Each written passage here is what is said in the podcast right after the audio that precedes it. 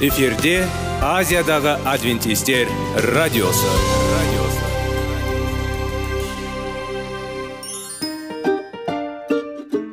Сәлем достар. Денсаулық өмір бұлағы және біздің бірінші байлығымыз демекші денсаулық сағаты рубрикасына қош келдіңіздер. Біздің рубрикада біз әртүрлі факторларменен мәліметтерменен кеңестерменен бөлісіп шын жүректен сіздердің дендеріңіз сау болғанын қалаймыз. Сол үшін біздің рубрикаға қош келдіңіздер. Дайындалып тұрыңыздар. Өйткені келесі минуттарда қызықты фактілерге ие боласыздар. Енді достар ең бірінші байлығымызды қолымызға алып алға кеттік.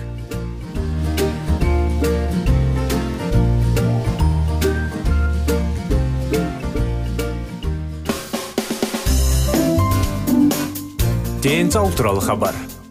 Денсаулықтың ашылуы. Күн сайын сөз үшін күшті кеңестер соңғы жаңалықтар қызықты факторлар. Біздің рубрикада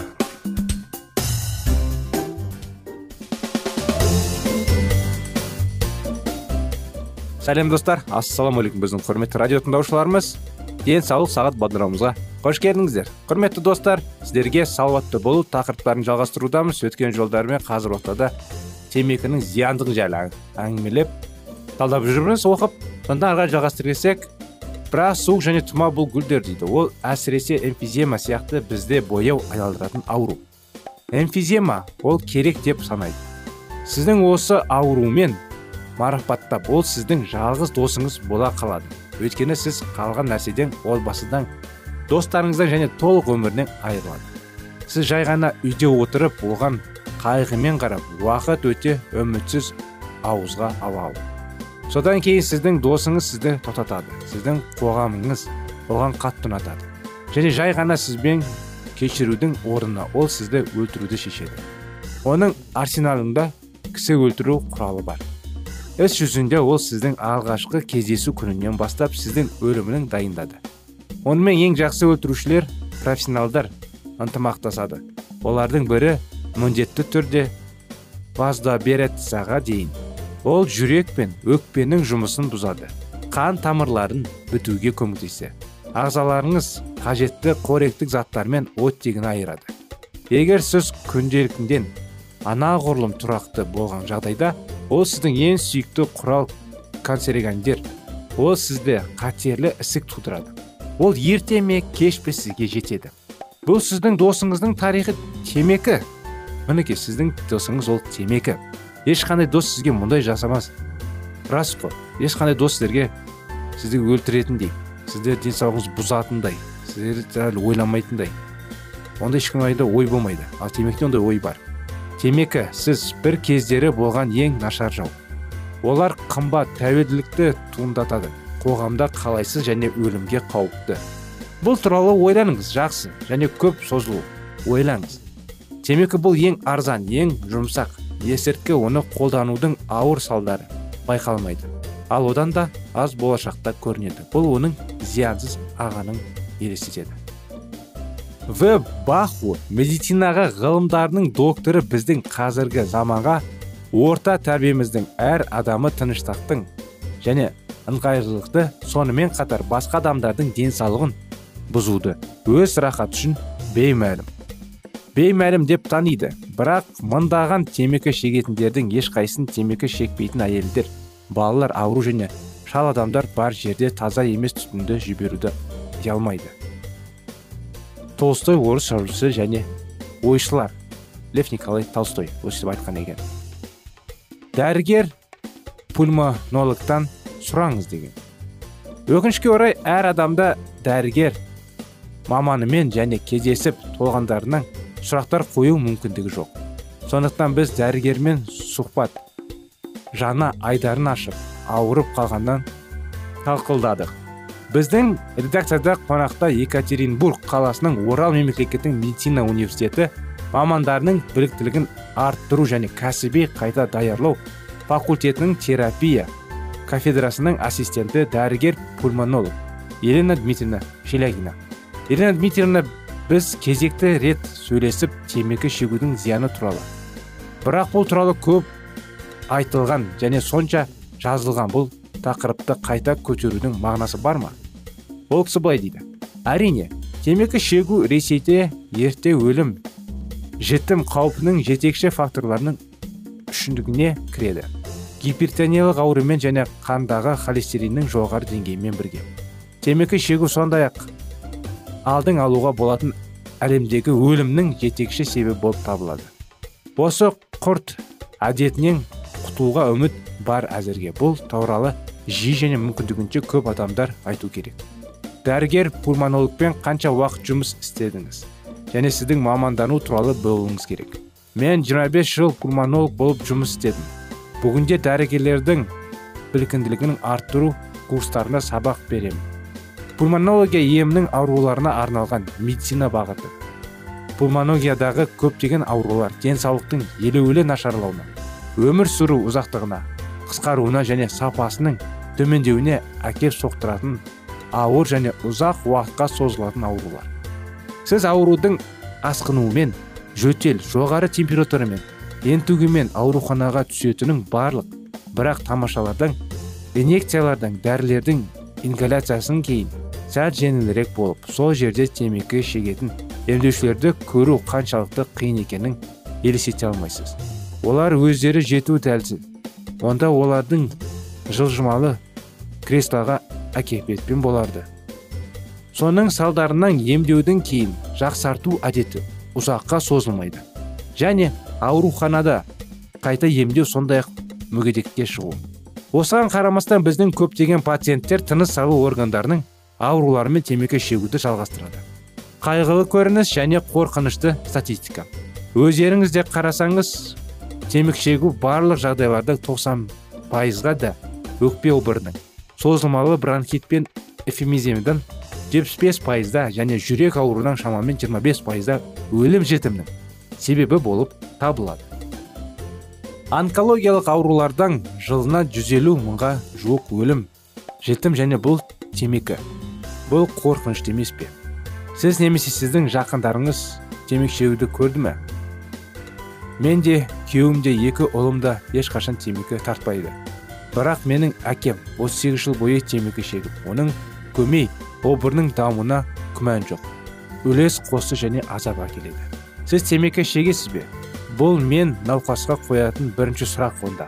Себебі шылым шегу тыныс алу ағзалары ауруларының қауіп қатерін негізгі факторлар болып табылады. Және тек оларды ғана емес. Мінекей құрметті достар осындай анықтама сіздерге. Құрметті достар жақсылап ойланайық күнделікті күнімізді өзіміздің денсаулығымыз жайлы жақындарымыздың денсаулығы жайлы өкінішке орай бағдарламамыз аяғына келді. Жалғасын сіздерге келесі жолы жалғастырамыз. Келесі жолға дейін сау саламат болыңыздар.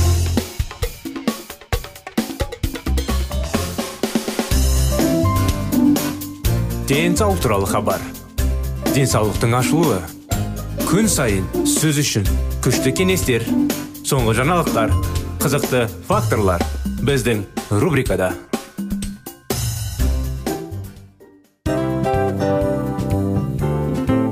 Әуелі байлық денсаулық екінші байлық он саулық үшінші байлық ақ жаулық. Ал енді осындай радио парақшадан кейін не дейміз? Барлықтарыңызға денсаулықтарыңыз зор болсын деп тілейміз. Денсаулықтың өзгеруі кішкентай нәрселерден басталады. Осымен біз берген кеңестер мен мәліметтер шын жүректен сіздер үшін қандай да бір болсын жәрдем берді деп үміттенеміз. Тыңдаушыларымызбен келесі радио парақшасына дейін қоштассамыз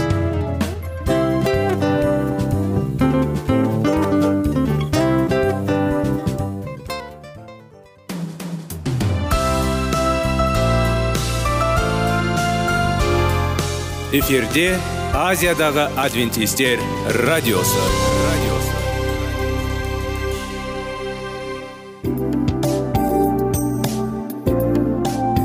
Сәлем достар. Барлықтарыңызға шын жүректен сөйлесейік рубрикасына қош келдіңіздер деп айтпақшымыз.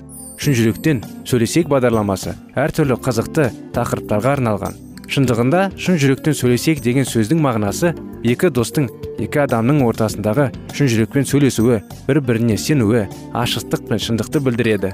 Сол үшін біздің бағдарламалар әртүрлі қызықты тақырыптарға арналған. Дайындалыңыз жаңа қызықты мәліметтерге ие болуға. Ондай болса кеттік.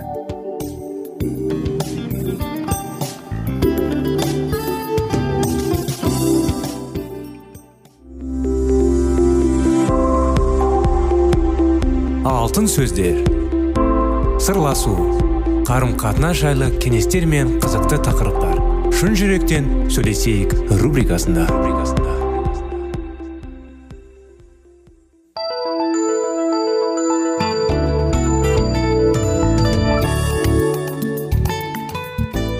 Ассалаумағалейкум сәлем құрметті достар құрметті радио тыңдаушыларымыз біздің шын жүректен сөйлесейік бағдарламамызға қош келдіңіздер. Сіздердің назарларыңызға баланың жүрегіне бес қадам. Өткен жолы сіздермен бірге біз ә, сыйлықтар жайлы әңгімелеген едік. Және де сьюзан жайлы оқиғаны бастап аяқ аяғына келмей қалған едік. Соны жалғастыра кетсек сьюзен балаларды жалғыз өсіріп бәрін үнемдеуге үйренді. Ол үш жыл бұрын ажырасқан еді. Оның бұрынғы күйеуі чарльз екінші рет үйленіп сән салтанатты тұрды. Балаларға әкемде болу өте ұнамды ол үйде емес. Бірақ ақша санаған жоқ.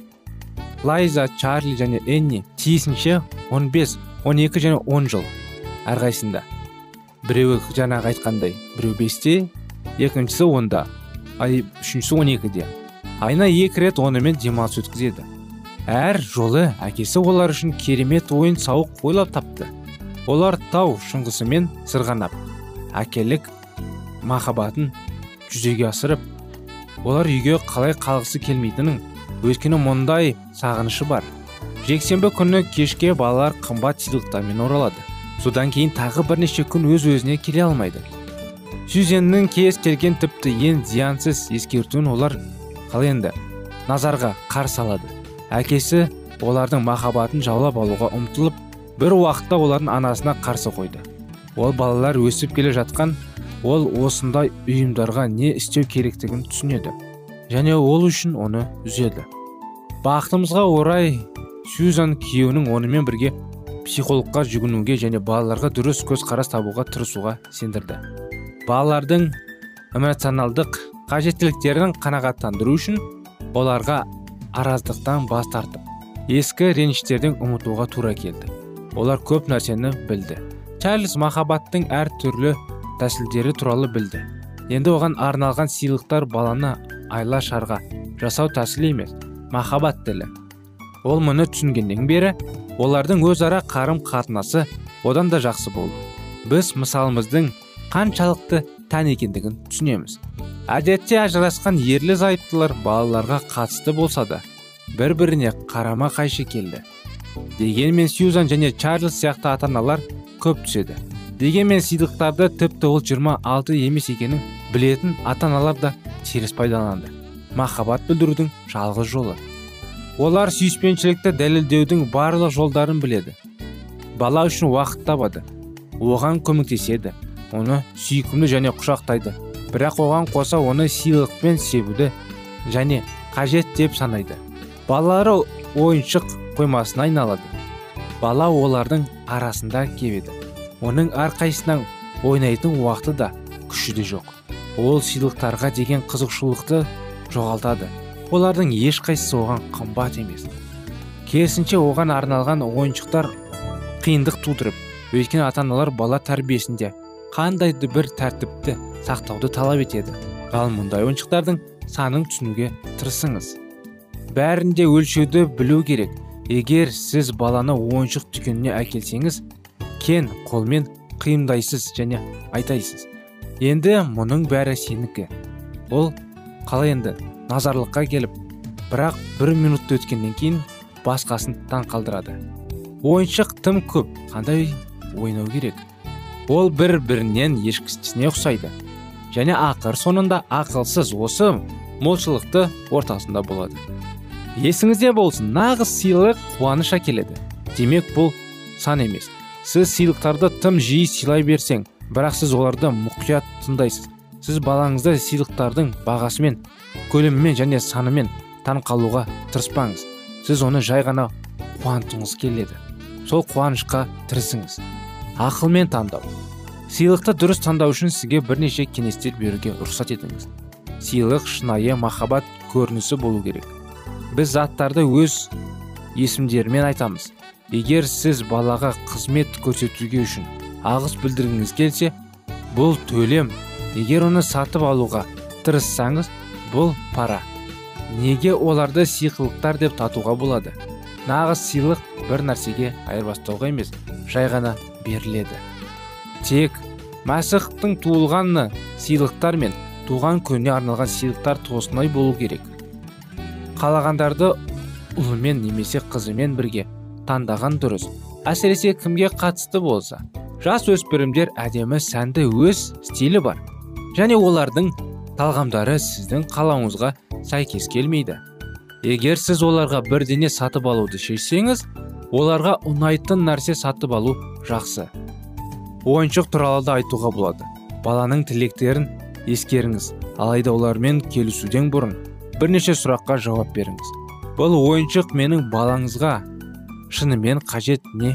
Немесе оның ықыласы керек па? Оны таңдау. Ойыншық оған зиян келтірмейді ме? Бала көптеген күткен сыйлыққа көп қуанды. Есіңізде болсын сыйлықтар сатып алудан қажеті жоқ. Олардың табуға өзінен жасауға болады.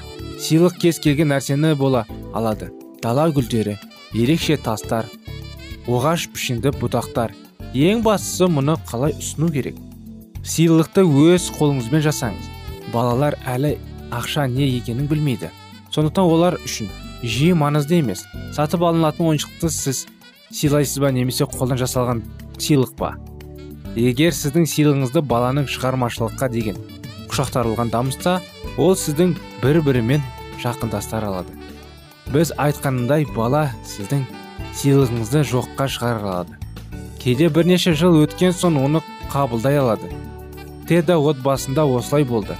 Шетелге саяхаттан ол 12 жасар қыз эми әдемі сақина әкелді алайда қыз әкерлік сыйлыққа әрең қарады. Ол сақинаны комод жәшігіне салып бір рет кимей қойды. Әрине теда оның сыйлығына мұндай қарым қатынасты ренжітіп бірақ көп ұзамай ол бұл жағымсыз оқиғаны артта қалдырды. Мінекей құрметті достар осымен біздің бағдарламамыз аяғына келді. Сіздерді келесі бағдарламаға шақырамыз. Келесі жолға дейін сау болыңыздар.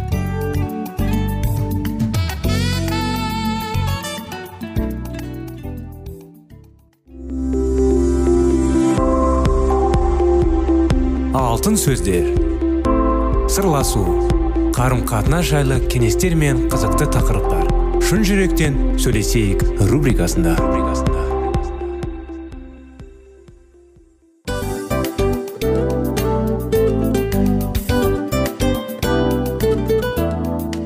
Құрметті достар барлық ең соңғы кеңестер аяқталған соң біздің программамыз соңына келіп қалды.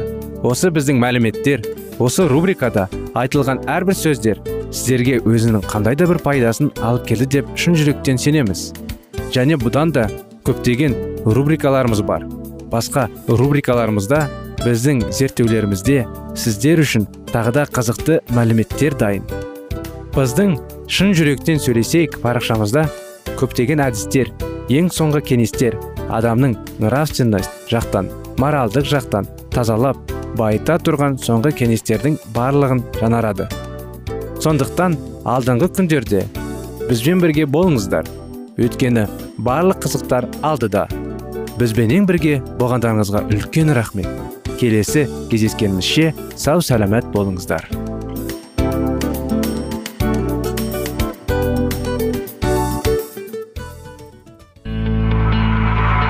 Жан дүниеңді байытқан жүрегіңді жаңғыртқан өмірдің мағынасын ойландырған рухани жаңғыру.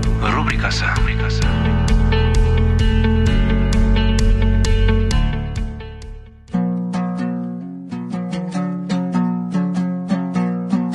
Ассалаумағалейкум біздің тыңдаушыларымыз. Келі кітаптың шындығын ашып берген қысқа бағдарламасына қош келдіңіздер. Барлығынан жоғары жаратушы біздің қарыңғылықта жалғыз қалдырып қойған емес. Өйткені ол келешекте не болу керек екенін киелі кітаптың парақтарында ашып береді. Немесе келіңіздер бізге қосылыңыздар. Жаратушы бізге нен ашып бергенін зерттейміз.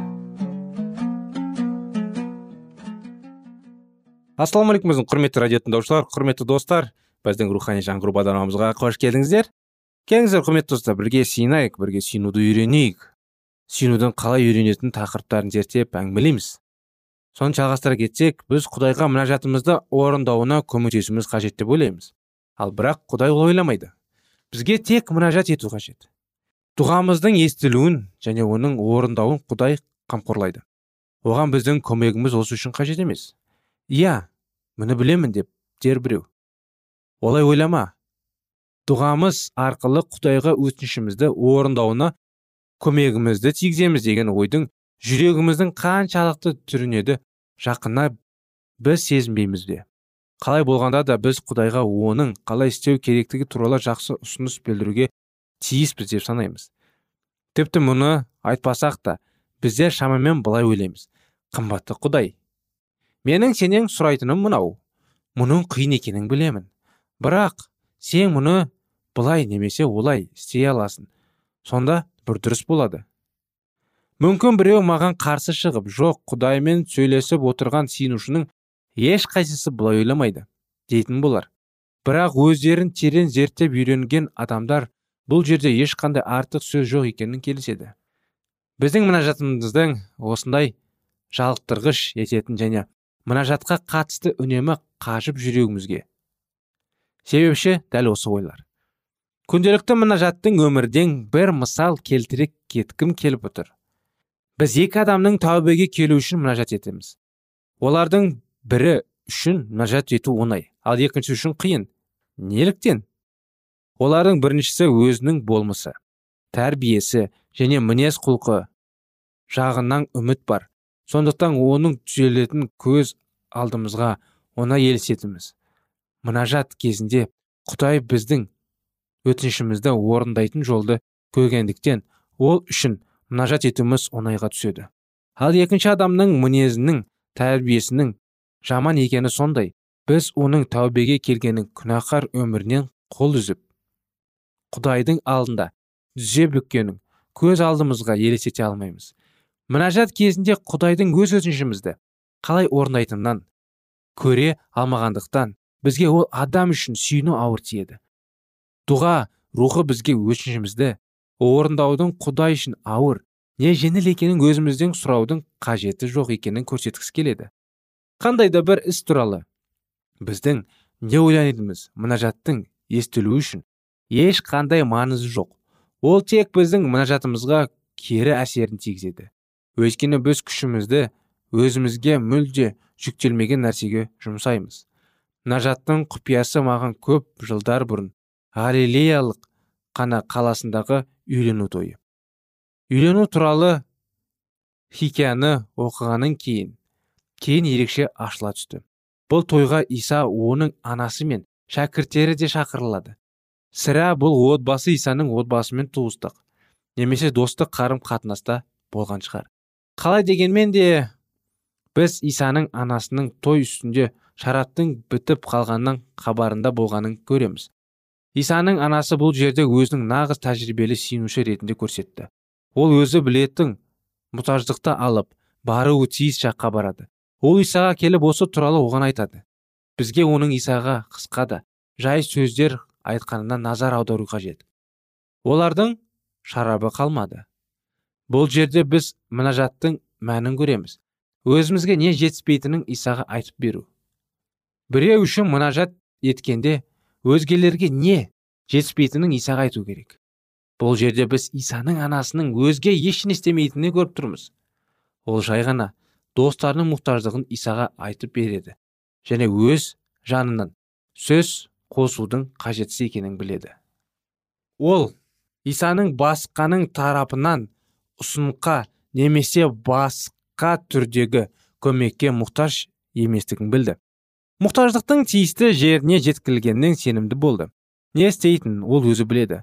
Сондай ақ достарына көмектесу үшін оның үгіттеудің де қажеті жоқ еді. Көмектесуге ешкім және ешқашан ол секілді дайын болған жоқ. Иә бұл жерде біз шын мәнінде нағыз мінәжаттың үлгісін көріп тұрмыз.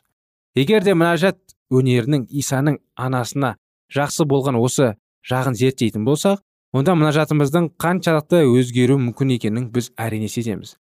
Көпшілігіміз үшін мінәжат біз оның өзімізге немесе өзгелерге не жетіспейтінін исаға айту екенін түсініп мәнін ұқпағаннан ауыр тиеді. Біз осының жеткілікті екенін сезінбейміз.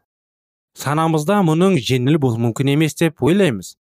Сондықтан да біздің мұнажатқа қатысты ойларымыз күрделі болып келеді. Құдайдың мені есту мүмкін бе? Құдай менің өтінішіме назар аударғанда қалай ма? Солай болса да бұл қалай жүзеге асады? Өйткені бұл мүмкін емес болып көрінеді ғой. Ал өмір жалғаса береді және қалаған жауабымызды алмаған біздер. Құдай бізді жалпы ести ме? деп ойлаймыз. Неге бұлай ойлаймыз өзімізге де түсініксіз. Бірақ дәл осы түсініксіздік мұнажатымызды азапты етіп бойымызды қорқыныш пен мазасыздыққа толтырады. Әсіресе егер біз немесе жақындымыздың басына үлкен мұқтаждық тауып бәрі мұнажатымызды естілуіне байланысты болып көрінген кейдерде. Исаны дәл оның анасы секілді. Білген кезімізде бәрі өзгереді. Сонда оған өзіміздің қиындықтарымыз туралы айтып беріп алаңсыз өмір сүре аламыз. Исаға деген мұндай қарым қатынас біздің мұнажатымыз үшін маңызды алғы шарт және мұнажаттың рухы. Бізге дәл осының үйреткісі келеді. Оның міндеті біздің назарымызды бұру және оның ұлылығын дәріптеу. Жан дүниемде исамен осындай таныстық орын алған кезде біздің мінәжатымыз ең жақсы досымызбен ақ жарқын әлмеге айналады. Оған өзіміздің немесе өзгелердің мұқтаждықтарын ашып айтамыз. Үлкенді кішілі қиындықтарымыз жайлы оған айтып бергеннен кейін біздің мүлде алаңсыз күйде болуымыз қажет. Ол біздің игілігімізді ойлап қана қоймайды. Сондай ақ біздің бәрінен жақсы түсінеді. Мұнажатқа біз әсіресе естуіміз керек жай жайт айқын болған кезде исаға мұқтаждығымызды айтқан кезде тыныштық табамыз. Осы сәтте бастап бәрі оған байланысты болады. Егер осылай деуге болатымызға жетсе жауапкершілікті енді ол тартады. Бұл жерде солай деуге батылымыз жететін айта кету керек. Мінекей құрметті достар осымен бүгінгі бағдарламамыз аяғына келді. Сіздерді келесі жолға келесі бағдарламамызға шақырамыз. Келесі жолға дейін сау болыңыздар.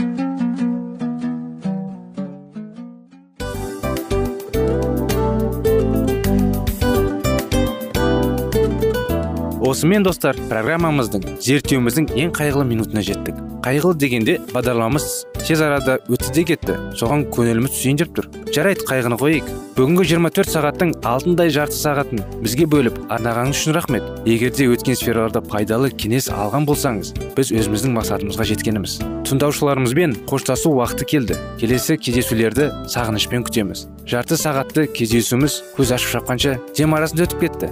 Бірақ бізде жақсы хабар бар. Келесі зерттеулерімізде сөзсіз кездесеміз. Өйткені көптеген сюрприздер қызықты мәліметтерді және керекті нәрселерді көбін дайындадық. Бүгінгі күндеріңіз өзгеше позитивті болсын. Жақындарыңыз аман есен болсын деп тілейміз. Жаратқан ие барлықтарыңызға батасын берсін. Істеген істеріңіз игілікті болсын. Келесі кездескенше сау саламат болыңыздар. Достар біздің бағдарлама бойынша сұрақтарыңыз болса әрине сіздерге керекті анықтама керек болса біздің whatsapp нөмірімізге хабарлассаңыздар болады.